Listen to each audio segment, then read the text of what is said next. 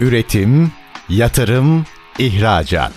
Üreten Türkiye'nin radyosu Endüstri Radyo sizin bulunduğunuz her yerde. Endüstri Radyo'yu arabada, bilgisayarda ve cep telefonunuzdan her yerde dinleyebilirsiniz.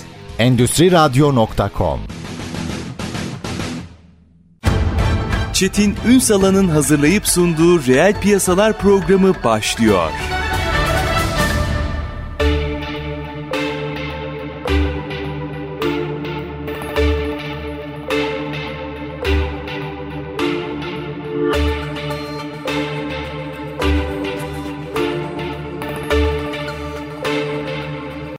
Piyasalardan merhabalar. Türkiye'nin gerçek gündeminde birlikteyiz efendim. Bugün takım tezgahları sektörünü mercek altına alacağız. Aslında baktığınızda başlı başına bir sektör ama tek başına sektör olarak nitelendirmek de biraz eksik kalıyor sanki. Her sektörle ilintili, bir şekilde üretimin dinamosu olarak nitelendirilebilecek bir sahadan bahsediyoruz. Tabii tüm burayı konuşacağız. Sektörü, sektörün durumunu, yurt içinde yurt dışındaki gelişmeleri, teknolojik dönüşümden insan kaynağına kadar nasıl bir fotoğraf verdiğini, yıllar içerisinde nasıl bir gelişim gösterdiğini hepsini mercek altına alacağız. Çok kıymetli bir konuğumuz var. TİAD, Takım Tezgahları Sanayici ve İş İnsanları Derneği Başkanı Murat Akyüz. Bugün reel piyasaların konu. Sayın Akyüz hoş geldiniz efendim. Hoş bulduk Çetin Bey. Üstadım bilmiyorum tanımlamam yanlış mı? Neredeyse her sektörle bir şekilde ilintilisiniz doğru mu? Aslında biz üretimin annesiyiz ya da babasıyız yani ne derseniz. Çünkü her şey bir makineden çıkıyor. Onlar da bizim makinalardan çıkıyor. Ne anlatıyor bize sizin makineler? Valla bizim makineler şu anda bu odada bulunduğumuz işte televizyon, mikrofon, işte mikrofonu tutan askısı, önünüzdeki bilgisayar,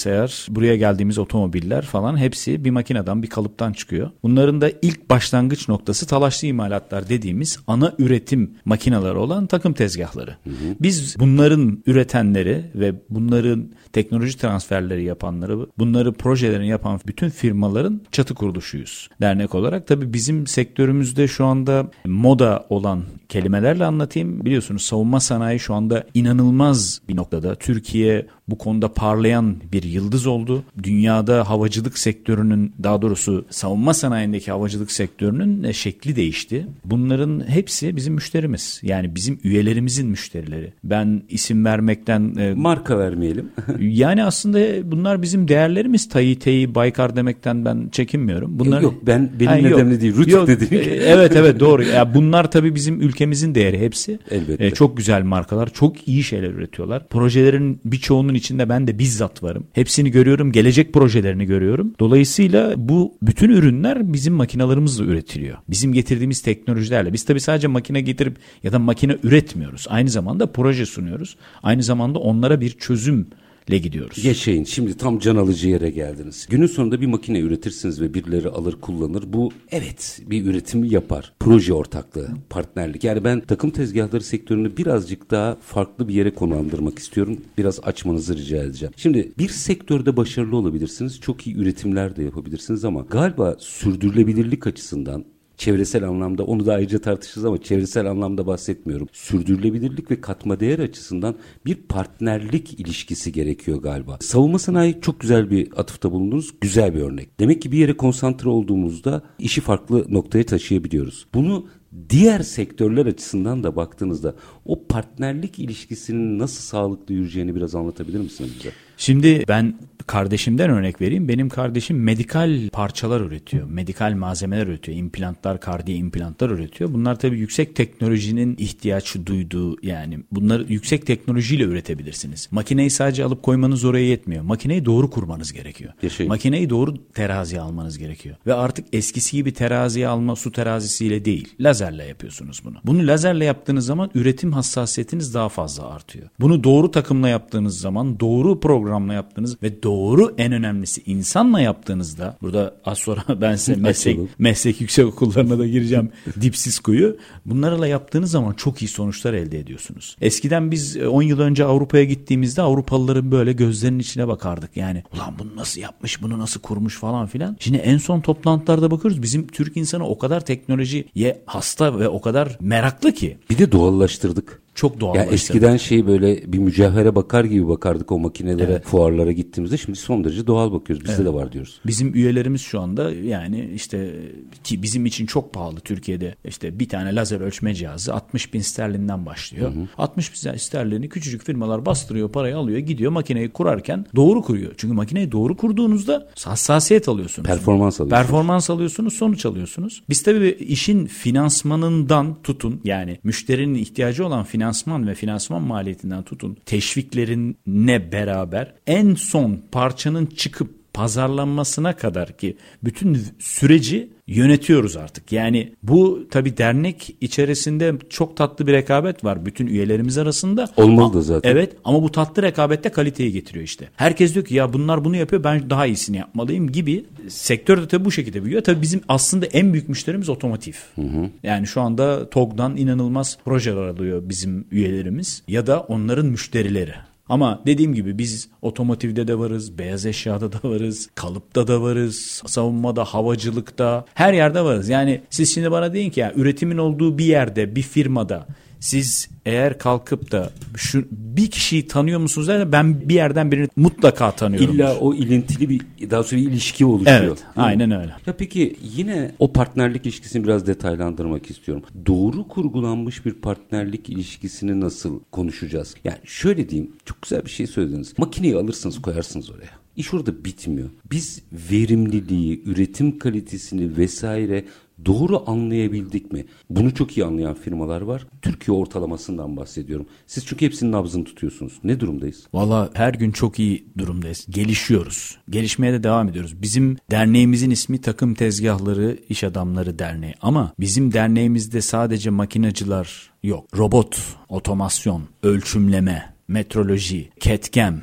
bütün yani bizim müşterilerimizin ve üyelerimizin ihtiyacını karşılayan ne varsa hepsi üye olarak alıyoruz. Bizim üyelerimizin içerisinde bankalar var. İlk defa böyle bir e, sanayi derneğinin içerisinde bir banka geldi bize üye oldu. Bedava danışmanlık alıyoruz adamdan. Güzel bakış Adama diyoruz ki kardeşim önümüzdeki sene para ne olacak? Bize para bulabilecek misin? Bizim müşterilerimiz finansmana nasıl ulaşacak diyoruz. Metroloji ya da teknoloji üreten firmaları alıyoruz. Teşvik ve bu yatırımlarla ilgili bir danışman şirketi üye olarak aldık. Niye?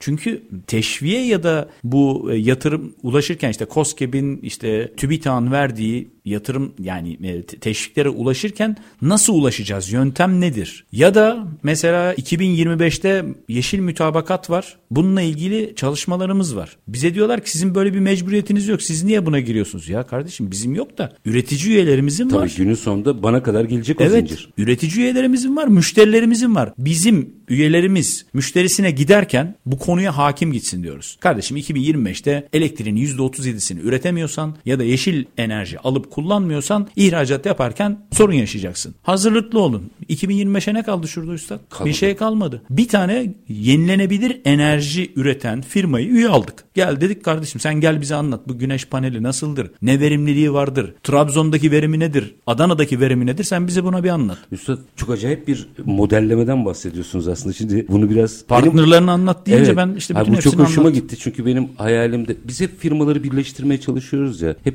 yazıp çizdiğim bir şeydir bu. Dört tane üreticiyi bir araya getirmeyin. Bir üretim, iyi yapan üretim, pazarlamada uzman, bir tane finansmanda uzman vesaire vesaire. Bunları getirin. Siz bunu dernekte yapmışsınız. Bu çok enteresan. Derneğin Sonuçları nasıl? Valla sonuçları çok olumlu. İlk başta tabii ya bunlar bizimle niye üye? Bunlar bize niye üye oldu? Yani bir tane gümrük müşaviri üyemiz var. Adamdan bedava danışmanlık alıyoruz. Adam bir de üstüne geldi derneğe üye olmak için para verdi. Yani adamcağız şey yaptı canla başla. Ama bu iş kazan kazan tabii. O da oradan iki tane üyemizle Şüphesiz. iş yaptığı zaman onun karşılığı çıkıyor. Ama burada önemli olan bizim üyelerimizin neye ihtiyacı var? Nerede eksiğimiz var? Biz o şekilde yürüyelim dedik. Şimdi sürekli bu şekilde üyeler katıyoruz. Ama işte nasıl söyleyeyim siz mesela bize üye olabilirsiniz. Çünkü endüstriyi temsil ediyorsunuz. Biz gurur duyarız sizi üye olarak Doğru. görmekten. Ama mesela gidip de Power FM'e örnek veriyorum. Ben şimdi marka söylemeyiniz. Onu o bizimle çok alakalı ilintili bir şey değil. Onu yapamayız yani. Dolayısıyla üyelerimizin ve müşterilerimizin ne ihtiyacı olduğunu tespit ediyoruz ve bunu orada üye olarak alıyoruz ve beraber iş yapıyoruz. Biz Siz aslında bir dernekten değil bir ekosistemden bahsediyorsunuz. Bravo. Bizimki bir ekosistem. Ya kelimenin tam anlamı bu aslında. Çünkü ben en büyük rakibimden mal alıyorum. O malı o benden daha iyi üretiyorsa ve daha ekonomik yapıyorsa ben gidip Onunla uğraşmıyorum. Oradan alıyorum müşterime veriyorum. E, müthiş tam ölçek ekonomisi dediğimiz aslında bu. Buraya doğru gidiyor işte. Evet kesinlikle. Şimdi bir iki dakika sonra bir araya gideceğim ama bir girizgah yapalım. Açarız hemen ardından. Bütün bu süreç aslında teknolojinin de dönüşümüyle birlikte iş yapış modellerini de değiştirdi. Bu zannediyorum dernekle ilgili yapılanma bir anlamda yansıma. Bu süreci doğru okurken müşteri, takım tezgahı üreticisi ve bunun girdisi. Bu koordinasyonda o teknoloji uyumu nasıl? O teknoloji uyumunda tabii firmalarımızın dediğim eğitimleri aldıktan sonra müşteriye sunacağı sonuç çok önemli. Çünkü müşteri aslında bizim makine sattığımız kişiler bizim müşterimiz değil. Biz aslında sonuçta müşterimizin sattığı firma bizim müşterimiz ya da Avrupa bizim müşterimiz. Çıktı yani. Bravo. O çıktı yer mi? Biz aslında başından sonuca bir ekibiz. Bankacısı, finansmancısı, takımcısı, programcısı, makinacısı ve müşteri aslında ya da kullanıcı diyelim ona. Kullanıcı. Biz bir ekibiz. Müşteri aslında ihracat. Yani üretimin sonundaki kişi. İşte kime satıyorsak. Minik bir yere gideceğim. Tam böyle manşetlik bir şey söylediniz çünkü bunu biraz açmanızı ve detaylandırmanızı diğer sektörlere de örnek olması açısından rica edeceğim ama minik bir araya gidelim. Aranın ardından çünkü bir ekosistem. Bakın dernek anlayışı bile değişiyor. Yani artık belli firmaların bir araya geldiği bir yapıdan bir ekosistem oluşturmaktan bahsediyor. Sayın Akgüz biz bir ekibiz dedi. Bunu biraz konuşmak lazım. Kısa bir ara aranın ardından takım tezgahları Sanayici ve İş İnsanları Derneği Başkanı Murat Akgüz'de reel piyasalarda sohbetimiz devam edecek. Lütfen bizden ayrılmayın. Üretim, yatırım, ihracat. Üreten Türkiye'nin radyosu Endüstri Radyo sizin bulunduğunuz her yerde. Endüstri Radyo'yu arabada, bilgisayarda ve cep telefonunuzdan her yerde dinleyebilirsiniz. Endüstri Radyo.com Aranın ardından reel piyasalarda tekrar sizlerle birlikteyiz efendim. Konuğumuz Takım Tezgahları Sanayici ve İş İnsanları Derneği Başkanı Murat Akyüz. Takım tezgahları üzerinden aslında bir üretim metodolojisinin farklılaşmasını konuşuyoruz ama araya gitmeden önce ekip ruhundan bahsettiniz. Çok hoşuma gitti. Yani benim makine sattığım kişi benim müşterim değil. Benim mal aldığım kişi benim müşterim değil. Biz tamamıyla bir ekibiz. İhracat noktası aslında müşteridir. Bunu organik bir biçimde sağlıklı götürebilmenin yolu ne? Bunu organik bir biçimde sağlıklı götürebilmenin yolu samimiyetten geçiyor. Yani en çok ben kazanayım derseniz bu iş olmuyor. Eşit ve emek karşılığını vermeniz gerekiyor. O işte en çok emeği kim sarf ediyorsa onu doğru tespit edip onun da hakkını vermeniz gerekiyor. Yani bu bu çok önemli orada. O zaman insanlar size ait hissediyor. Ait hissettikleri zaman tedarikçiniz de, müşteriniz de ya da son kullanıcınız da ve sizin beraber çalıştığınız ekip arkadaşlarınız da buna o samimiyetle bakıyor. Müşteri memnuniyeti çok önemli bir konu şu anda. Herkesin çok üstüne gittiği bir konu ama çalışanınız memnun olursa, ekip arkadaşınız memnun olursa müşteri memnun oluyor. Yoksa siz sadece müşteri memnuniyetine odaklanırsanız adamı burada işte 3 kuruşa şey yaptım saatlerce üzerinden pekmezini çıkartırsanız o iş sonuca ulaşmıyor. Doğru ekiple çalışacaksınız ama ekibin de hakkını vereceksiniz yani. O zaman açalım. Teknoloji geliyor, robotlar geliyor bir şekilde daha otomatize olan belki otonoma doğru bile giden bir sürece doğru gidiyoruz. Orada sektörel dönüşüm teknolojik anlamda nasıl oluyor? Valla bizde zanaat hala çok önemli.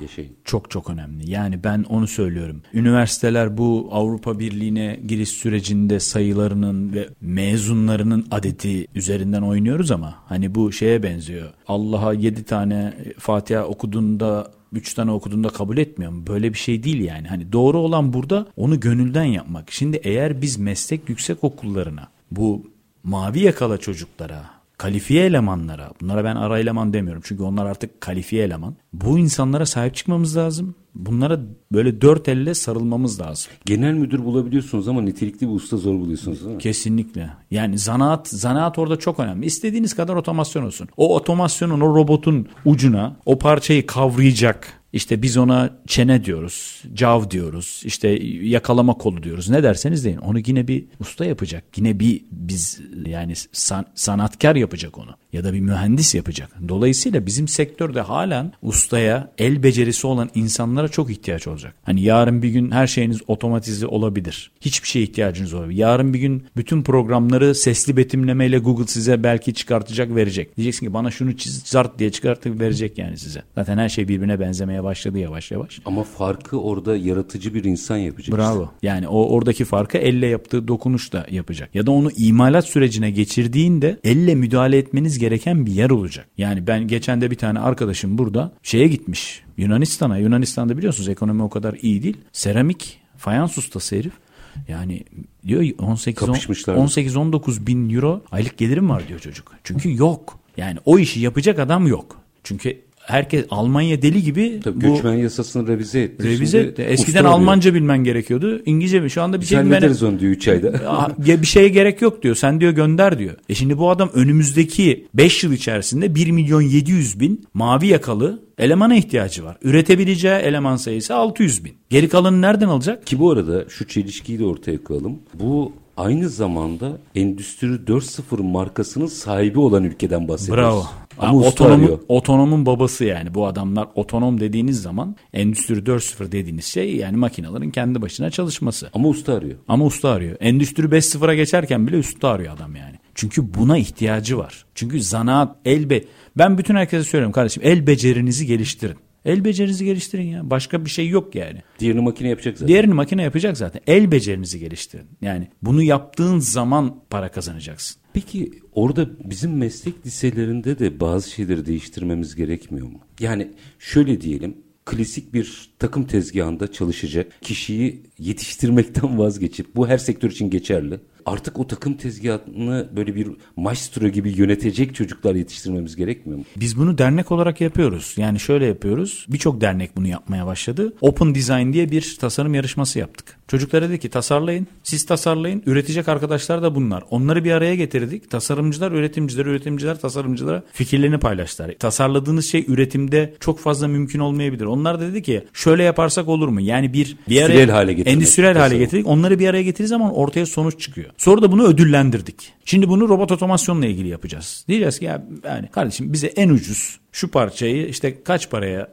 ha- kaç paralı bir robot yatırımıyla yapıyorsunuz? 10 liralık. Kardeşim bunu sen bana 3 liraya daha hızlısını yapabiliyor musun? Sen bunu yap. Şimdi böyle bir yarışmamız geliyor tekrardan. Ki Türkiye'deki startup ekosisteminde mümkün bu. Evet. Çok, çok becerikli çocuklar var. var. Müthişler. Çok becerikli çocuklar var. Ben ailelere söylüyorum yani çocuklarınızı beğenmemezlik yapmayın. Acayip acayip iyi bir şey geliyor yani arkadan. Hocam zaten beğenmiyorsak bizde bir sıkıntı var. Biz yetiştirdik Bravo, onları. bravo. Aynen Bu kadar doğru. Uzaylı gibi davranıyoruz Kesinlikle onlara. aynen öyle. Ya yani. Bizim çocuklarımız onlar. Sen ya. anlamıyorsun sen bilmiyorsun. Ya kardeşim o senin çocuğun işte tamam mı? Ne varsa sen yaptın yani. Bu kadar basit. Bir de bir noktaya daha geçelim o zaman. Dünyada bütün bu konuştuklarımız doğrultusunda ufak tefek ipuçları verdiniz ama rakipler ne durumda? Onlar neye ders çalışıyorlar? Valla üstad koronadan önce ve koronadan sonra diye iki tane dönem var. Bu hani milattan önce milattan sonra gibi oldu. Eğer sen bunu bana koronadan önce sorsaydın rakipler gümbür gümbür geliyor derdim. Hadi ikisini birden değerlendirsenize göreyim ben farkı. Valla bunlar yani Avrupa'daki insanlar, Amerika'daki insanlar yani gelişmişlik seviyesi ya da gelir seviyesi yüksek olan 30 bin e, dolar ortalama gelir olanlar. Üstündeki olanlar da onlar şey diyor yani hayat bir gün o da bugün diyor. Bizim eski kafa. Şimdi bizdeki yeni kafa ne? Bizim çok çalışmamız lazım. Ha, ama arkamızdan kim geliyor? Yani Çin geliyor. Ve Çin enteresan. O Çin algısını da bir kırmamız gerekiyor. Evet. Yani Çin 2000'li yıllarda o harcı alem ürünleri yaptı diye bir algı çıktı. Evet yaptı da. Sıfır finansman, sıfır faizde finansman kullandı dünyada. Kesinlikle. Bu sayede çok akıllıca bir operasyondu ama aslında siz ne istediyseniz onu yaptı. Çin'den gelen ürünler de herkesin kendi aynası. Ben 3 liralık ürün istiyorum 3 lira. 1000 liralık ürün istiyorum 1000 lira. Ama teknolojilerini çok geliştirdiler. Çok ciddi alınması gereken Benim söylemek istediğim o bir önceki söylediğiniz kelime aslında. Daha önce öyle yapıyordu ama artık öyle değil. Değil. Oyun kuralı değişti. Şu anda elektrikli otomobillerde dünya herkes bir şey yapıyor. Herkes bir lansman yapıyor. Yeni bir ürün sergiliyor. Şu anda dünyanın en büyük pil üreticisi Çin'de. Evet. En güçlüsü de Çin'de. Daha enteresan lityum da ellerinde. Lityum da ellerinde, her şey ellerinde. Afrika ellerinde çünkü her şeyden önce. O zaman benim orada nasıl pozisyonlanmam lazım? Biz aslında Çin'in küçük bir kopyası olabiliriz burada. Ama ihtisaslaşacağımız alanı doğru Ama seçmemiz lazım. 2000'li yılların Çin değil, 2020'lerin Çin'i. Bravo. Yani koronadan sonraki Çin'den bahsediyoruz. Çünkü her kriz, her Çin'in her kötü yaşadığı olay, her şey Çin'i daha da yukarı taşımış. İlk ondaymış, bir kriz olmuş, beşe çıkmış. Bir daha kriz olmuş, üçe çıkmış. Bir daha şimdi belki birde ama kimse bunu dillendirmek istemiyor. Tabii. Yani En kötü ihtimal 2'de. Evet. En kötü ihtimal 2 de. Ekonomistin şeyini gördünüz mü? O 2024 falını yapmış orada aşağıda. Zaten koymuş oraya demiş ki kardeşim elektrikli otomobilde Çin geliyor yani. Hani siz ya geçen de bir arkadaşım bir araba almış. Hani markasını söylemeyeceğim tabii ki. Hani dünyadaki o en üst İngiliz markaları var ya. Hani on, o klasmanda ve o kalitede bir araba ve Çin malı. Görüntüsünü ben size programdan sonra göstereyim. Kafayı yiyeceksin yani. Hani böyle bir şey olamaz yani. O zaman çok iyi hatırlıyorum ya. E, 90 yok 2000'lerin başında müsiyat fuarında çok enteresan bir şey vardı. Vurgu vardı. O zaman çok kişi ıskaladı bunu. Ama bence çok anlamlıydı. Çin'le ortak olalım rakip olmayalım vurgusuydu. Bugün için hala mümkün mü? Valla Çinliler bizimle iş yapmaya çok iştahlılar. Yani bu bölgeye gelmeye çok iştahlılar. Çünkü Çin'in bütün dünyadan yemiş olduğu bir ambargo var. Onlar da gelip burada Made in Turkey diye yapıp bu gümrük birliğinden faydalanıp oraya ihracat yapmak istiyor. Bizim insanlarımız biraz temkinli yaklaşıyor ama şu anda sen beni uyandırdın. Ben bundan sonra biraz daha konuya açık şeyle bakacağım. Ama bizim Çin'den avantajımız şu. Çin'de bir şeyi ürettireceğiniz zaman yüksek adet istemeniz lazım. Tabii. 100 bin Volüm. üstü. Biz butikçiyiz ama güzel butikçiyiz, iş evet. yapıyoruz. E zaten dünyada iki tane B var artık. Butik ya da büyük. Yani big ya da butik. İkisinden biri. Biz butikçiyiz. Bize geliyor adam 300 çeşit parça her birinden 1000 tane diyor. Onun için yapamaz. Orada da biz konuşuyoruz işte. Bizim en büyük avantajımız o. Bizim iş gücü avantajımız var. Bizim insanımızın çalışkan olması avantajımız var. Ama işte dediğim gibi ben bütün arkadaşlarıma bütün ben bu arada mesleklerin geleceklerini araştırıyorum. Yani üzülerek söylüyorum hani matbaacılık sektörü her geçen gün daha da azlıyor. Çünkü bu karbon salınımı, karbon ayak izi, kağıt, mat falan dedikçe insanlar şey yapıyor. En çok oradan vurgu yapıyor. Aslında şu plastiği kullanıyorlar. Kullanırken çok keyifler ama çöpe atarken bir eriniyorlar. Geri dönüşüme gönder onu dediğin zaman ama bazı sektörler 2050'den sonra yok. Aslında matbaacılık da dönüşü. 3D printer sektörü geliyor onun yerine. Evet aynen Yani öyle. oraya çalışması lazım matbaacılık sektöründe. Valla- hattatların matbaacı olmak için direnmemesi gerekiyor. Bravo. Ama 2050 yılında ben sizin doğum gününüzde işte e, bir tane güzel bir gazeteyi size kadife kutusunda yüksek bir meblağ ödeyip size getirip onu hediye edeceğim. Siz o zaman kağıdı elinizde tutabileceksiniz. Onun dışında her şey artık ya plastik Tabii, ya da şey olacak yani vision olacak her şey. Ya peki burada da bir girizgah yapalım. Aranın ardından devam edelim. Çok yakın zamanda bir fuar da geçirdiniz. Evet. Bütün bu gelişmelerin ışığında baktığınızda fuar ne anlattı? Vallahi f- bak çok güzel bir yere değindin. Biz en son Almanya'da EMO fuarına gittik. EMO fuarı dünyanın en büyük makine fuarı. En büyük teknoloji fuarı. Herkesin gidip hayranlıkla izlediği bir fuar. Fuar 17 hole düştü orada. 17 hole düştü. Hmm, Kan kaybediyor. Yani 28-30 holden 17 hole düştü. 17 hole düşünce tabii bir kalabalık oldu ortada ama aslında gelen ziyaretçi sayısında %50 azalma vardı. Almanya'da durum bu. Bizde durum ne oldu biliyor musun? Konya fuarı en son 4 sene önce yapıldığında 13 bin metrekareyle yapmış. Biz en son yaptığımızda 23 bin metrekareyle yaptık. Eksen kayıyor. Eksen kayıyor ve ziyaretçi sayısı dedim ki kaybolacak herhalde fuarda. Ulan. Şey, yerli yabancı mı? O 23 Yerli bin yabancı metre- 23 bin metrekare. E daha çok yerli tabii. 23 bin metrekare. Rekor bir katılım bekliyoruz. 30 bin, 37 bin geldi. Ne yemek yetti, ne kahve etti, ne tuvaletler hiçbir şey etmedi. Yani iyi bir yere doğru gidiyor. Fuarcılık bizde gelişmeye başladı ve insanlar yatırıma iştahlı. Bu En aynı büyük- zamanda ekonominin de kaydığını göstermiyor. Kesinlikle. Ekonomi de kayıyor, sanayi de kayıyor. Her şey kayıyor. Özellikle Konyalılarla yani Çinlilerin bile baş etmesi zor yani. Ya orada tabii şimdi hakkını teslim edeyim. Karata Üniversitesi diye enteresan bir üniversite var.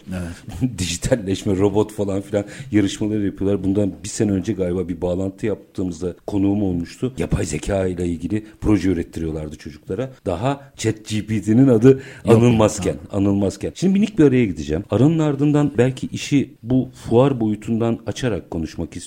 Çünkü aynı zamanda eksen buraya doğru kayarken, pazar da buraya doğru kayarken çok gizli ve sinsi bir çıkış var. Doğu Avrupa enteresan bir şekilde rakip olarak geliyor. Bizim bu dengeyi nasıl kurmamız gerekiyor? Çünkü Avrupa'dan kayan üretimi bizim almamız lazım. Üstad dedim ya koronadan sonra ve koronadan önce diye. Hadi koronadan sonra konuşalım bayağı bir değişti. minik bir araya gidelim aranın ardından konuşalım. Efendim konuğumuz Takım Tezgahları Sanayici ve İş İnsanları Derneği Başkanı Murat Akgüz. Aslında takım tezgahları üzerinden ekonominin, üretimin, sanayinin dönüşümünü konuşuyoruz. Kısa bir ara lütfen bizden ayrılmayın.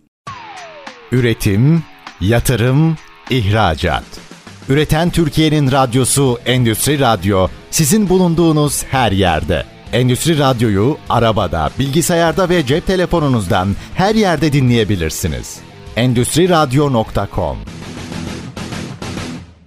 Kısa bir aranın ardından reel piyasalarda tekrar sizlerle birlikteyiz. Konuğumuz Takım Tezgahları Sanayici ve İş İnsanları Derneği Başkanı Murat Akgüz. Aslında takım tezgahları piyasasını konuşurken, sektörünü konuşurken bir anlamda Türkiye'nin ve dünyada sektörlerin nasıl dönüştüğünü, neler konuşması gerektiğini de mercek altına alıyoruz. Şimdi Sayın Akgüz araya gitmeden önce çok güzel bir şey söylediniz. Pandemiden önce ve sonra Çin vurgunuzu konuştuk ama ben araya giderken size bir şey sordum. Doğu Avrupa enteresan bir çok fazla sesi çıkmıyor ama Avrupalı bazı firmaların artık üretimlerini oraya kaydırma niyetinde olduğu gözüküyor. Oraya değil bize kaysınlar.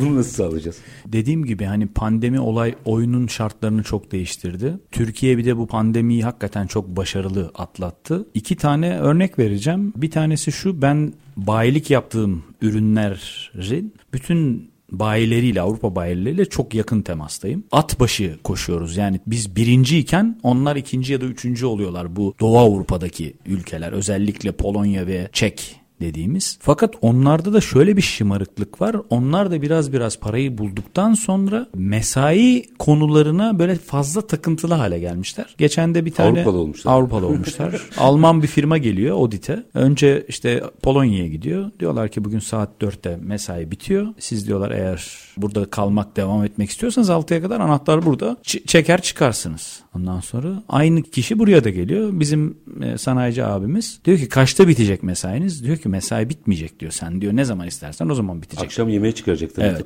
Sonra akşam seni yemeğe götüreceğim diyor. Ama diyor sen kaçta dersen istiyorsan 12 diyor. Alman diyor ki ya böyle diyor. Madem böyleyse tercihim buradan yana. Bu birincisi. E, İkincisi eskiden Almanya'da bu iş ya da işi dağıtan ülkeler, büyük ülkeler diyeyim Almanya, Fransa, İtalya gibi bu ürünleri oralara verirken ya diyor 1 euro pahalı olsun Polonya'da olsun yaptırayım diyordu. Şimdi öyle demiyor. 50 kuruş bile ucuz olacaksa kaliteli yapan Türkiye'ye veririm ben diyor. Daha önce şeycilik yapıyordu. Yani ırkçılık yapıyor ya da işte kendi din O arkadaşını kendi ekosistemi yani ekosistemini kendi besliyor ama ekosistemini şimdi besliyor. Çok öyle normal. bir şey yok. Şimdi bize geldi ve bu bize şöyle yansıdı. Bizim sektörümüzün, bizim üyelerimizin getirdiği makinelerle bizim müşterilerimiz 80 milyar dolar ihracat yapar. Artı bizim sektörde ayrıcana hizmet ihracatını yüzde 47 arttırdı. Şimdi hizmet ihracatını biliyorsunuz kayıtlara çok fazla girilmiyor. Trans ticaret girilmiyor ama Ki bence katma değerli olan orası. inanılmaz. Sıfır karbon. Sıfır karbon abi. Yani bizim hizmet ihracatını çok daha konuşmamız gerekiyor. Hizmet ihracat inanılmaz. Bu yıl geçtiğimiz Ekim ayında Dünya Gazetesi'ne verdiğiniz bir röportajda da bu yıl takım tezgahı kullanımında rekor kırıyor vurgunuz var. Biraz açar mısınız? Valla biz tabii takım tezgahları kullanımını, teknoloji transferini ve makine imalatını ben az önce size arada söylediğim gibi koşulsuz, şartsız, sınırsız desteklememiz gerekiyor. Önünde hiçbir engel bırakmamamız gerekiyor. Tabii ki çok kalitesiz ürünleri e, gale- kalite tartışılmıyor artık. O bitti. Evet, yani aynen kaliteli öyle. olacak Müşteri zaten müşteri şey biliyor. zaten. Aynen öyle. Kaliteli olmak zorunda. Bu seneki bizim artışımız neredeyse yüzde 21. Kullanım yüzde 21 artmış. Ki geçen sene rekor seviyedeydi. Onun üstüne bir rekor daha yenilemiş. Yani 1 milyar 554 milyon 1 milyar alt- 1 milyar 600 milyon Hocam dolarlık makine kullanımı var. Bu yüzde 21 değil. Niye? Açacağım biraz. Buyurun. Çünkü bunun deşifresini yapmanızı rica ediyorum. Dünya ekonomisi daralırken yüzde 21, yüzde 21 olamaz. o Bravo. daha büyük bir Biz kendi volümü- kendimizle Tamam. kendimizi mukayese ediyoruz. Ama Yani şimdi hani- bütün dünya ekonomisi daralıyor, Daralırken- ihracat Bravo.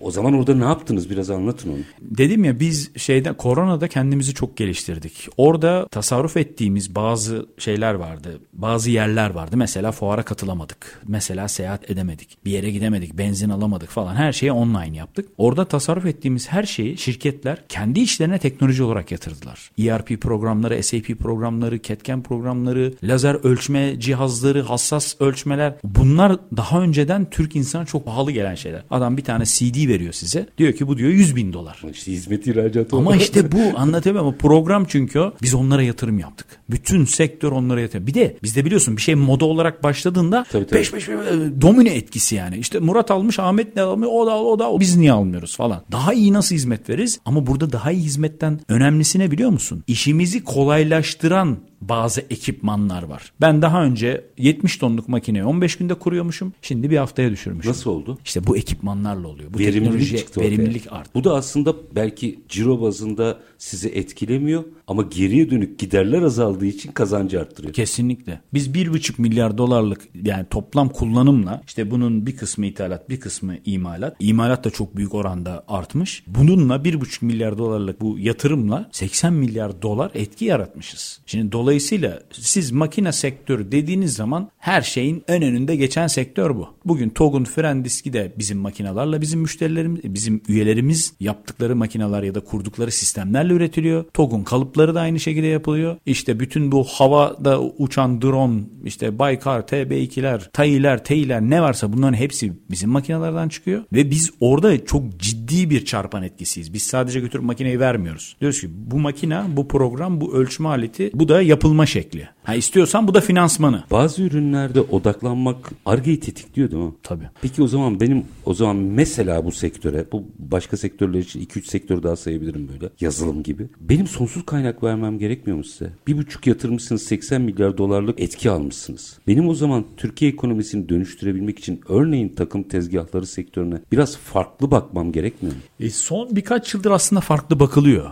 Bakılıyor ama e, yeterli mi dersen daha iyi olabilir derim. Daha iyi olabilir derim. Biz çok memnuniyetsiz değiliz aslında. Yapılan gelişmeler bize bu biliyorsunuz inşaattan dönüşüp gelip ya inşaat çok önemli. Neden? Çünkü deprem bölgesi olduğumuz için. Ama sanayi aslında önemli olan. Bugün bakıyorsun Arap ülkeleri, Fas, Tunus, Cezayir sanayinin farkına vardı. Adamlar sanayiye deli gibi yatırım yapıyor. Buradan da tüyo veriyorum bütün herkese. Gidin abi adamlar sanayiye yatırım yapıyor. Yani dönmüşüz Deşit teşvikler veriyorlar. Evet. Dönmüşüz Avrupa'ya yüzümüzü. Tabii ki Avrupa'ya bir ekip çalışsın oraya ihracata devam etsin. Ama bu taraftan dönün o beğenmediğimiz ülkeler var ya inanılmaz yatırımlar var orada. Oralara bir şeyler satalım. Oralara bir şeyler yapalım. Bunlar da alacaklar. Çünkü adamlarda inanılmaz bir para var. Bizim de sorunumuz zaten maliyet, kaynak maliyeti. Buraları eğer bu tarafa çekersek oradaki ihracatta arttırırsak inanılmaz bir şey olur. Şu anda Avrupa'da şöyle bir şey oluşuyor. Bayiliğini yaptığın firmanın e, oradaki bayisi diyor ki ben makineyi şu kadara sana satarım. Kurulum için de şu kadar isterim diyor. Adam diyor manyak mısın kardeşim diyor. Ben senden makine alayım kuruluma ayrı para mı olur diyor. Öyle diyor artık sistem değişti çünkü çok pahalı. E diyorlar Parayı kurulumdan kazanıyordu o yüzden. Evet. Sonra dedi ki o zaman dedi ben Türkiye'den alırım dedi. İstiyorsan al dedi. E şimdi orada 30 liraya aldığı ürünü benden 10 liraya alıyorsa bir de ben daha hızlı kurabiliyorsam şimdi hizmet tarafı da bizde Kurulum parası da arada kaynıyordur zaten. Aynen öyle. Siz 14 lira alsanız da 30'dan düşük Kesinlikle o şey oluyor ama bizim burada maksadımız oradan çok büyük para kazandığımız değil. Orada Türkiye'yi reklamını arttırmak, Türkiye'yi ön plana çıkartmak. Ne kadar çok Türkiye'yi sağda solda saydırırsak daha saygın hale geliyoruz bu sanayi tarafında. Senin demin geldiğin sorunun başına geleyim. Onlar Batı Avrupalılar biraz şey yapmaya başladı. Azıcık şımardılar. Azıcık şımardılar. Bizim şımarıklığa hiç tahammülümüz yok. Biz sürekli tokat yiyoruz. Sokakta şimdi şöyle bir şey düşün. Sen sporcusun. Sürekli salonda çalışıyorsun. Hep yumruk atmışsın hiç yememişsin. Ben de sokakta dayak yiyen bir herifim. Sürekli dayak yemişim. Kim kimi döver onu düşünsen. Sen tek yumrukta gidebilirsin ama ben ben orada şerbetlenmişim artık yani yediğim dayan haddi hesabı yok. Bizim sektör yani bu şekilde olmuş. Türkiye bu şekilde olmuş. Ekonomi tarafını anlatıyorum yani. Dragon Rocky Bravo, savaşı bravo. geldi, bravo. maçı geldi. Aynen o işte. yani e, günün sonunda bir şekilde kaşını yarana kadardır o hikaye. Aynen öyle. Ya peki bir 3-4 dakikam var. 3-4 dakikada bütün bu projeksiyon çerçevesinde baktığımızda bizim yarına ilişkin ne konuşmamız gerekiyor? Valla yarına ilişkin bizim konuşmamız gereken eğitim. Bu çok önemli. Bu arada biz bu yapay zeka, biz bunu kullanıyoruz. 5 yıldır bizim sektörde kullanılan bir şey bu. Yani benim kardeşimin üretim tesisine gelip görseniz sonra orada zaten yapay zekayı göreceksiniz. Doğal olmuş yani işin. Zaten bizim işimiz o yani her şey bilgisayarlı ve internete bağlı yaşıyor. Her şey cloud'da. Dolayısıyla e, biz bunları kullanıyoruz. Biz Endüstri 4.0'ı çoktan yedik yuttuk yaladık bitti yani o iş. Ve biz Endüstri 4.0'ın en ekonomik zamanına geldik şu anda. Ve Endüstri 4.0'ı üretmeye başladık. Bizim üyelerimizin 7-8 tanesi geçen sene fabrika kurdu.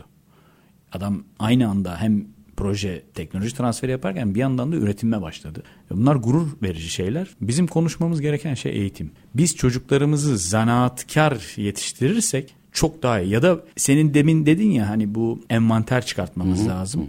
Çocuklarla ilgili envanter çıkartmamız İş lazım. gücü envanteri. İş gücü envanteri. Bizim neye ihtiyacımız var? İşte 3 milyon tane 3 milyon tane doktorum var. Ne yapacağım baba? Dünyaya lazım değil yani bu kadar doktor. Yani senin nerede neye ihtiyacın var? Bunu belirleyeceksin. O çocuklara da o konuyla ilgili adam asgari ücret veriyorsa bir asgari ücrette devlet olarak sen vereceksin ki o sektörde iştah artsın ve çocuklar orada. Çünkü çocuklar artık basit işleri seviyorlar. Gitsinler otursunlar. Bilgisayar bası, masa bası böyle böyle işler istiyorlar. Çocuklar orada para yok diyorum ben. Para yok. Para olmadan mutluluk olmaz. Ben sevdiğim işi yapıyorum. Ya para olursa sevdiğin iş olur. Hocam bu çocuklardan mı ailelerden mi kaynaklanıyor tartışmalı. Ben hatta bu konuyla ilgili bir yazdığım yazıda meslek lisesi öğrencilerine asgari ücret verelim. Sigortalarını da başlatalım. dedim. Kesinlikle abi. Bravo. Ağzın bal yesin. he- hemen aileler oraya Ağzın bal yesin. Tamam. Kesinlikle budur yani. Çocuklara versinler abi. Çünkü aileler bu direnci gösteriyor. Aynen öyle. Yani tabii ki herkes çocuğunun farklı yerlerde olmasını ister ama meslek kavramını galiba tekrar hatırlamamız gerekiyor. İş değil, meslek. Ya bizim aslında geçmişimizde var. Dünyada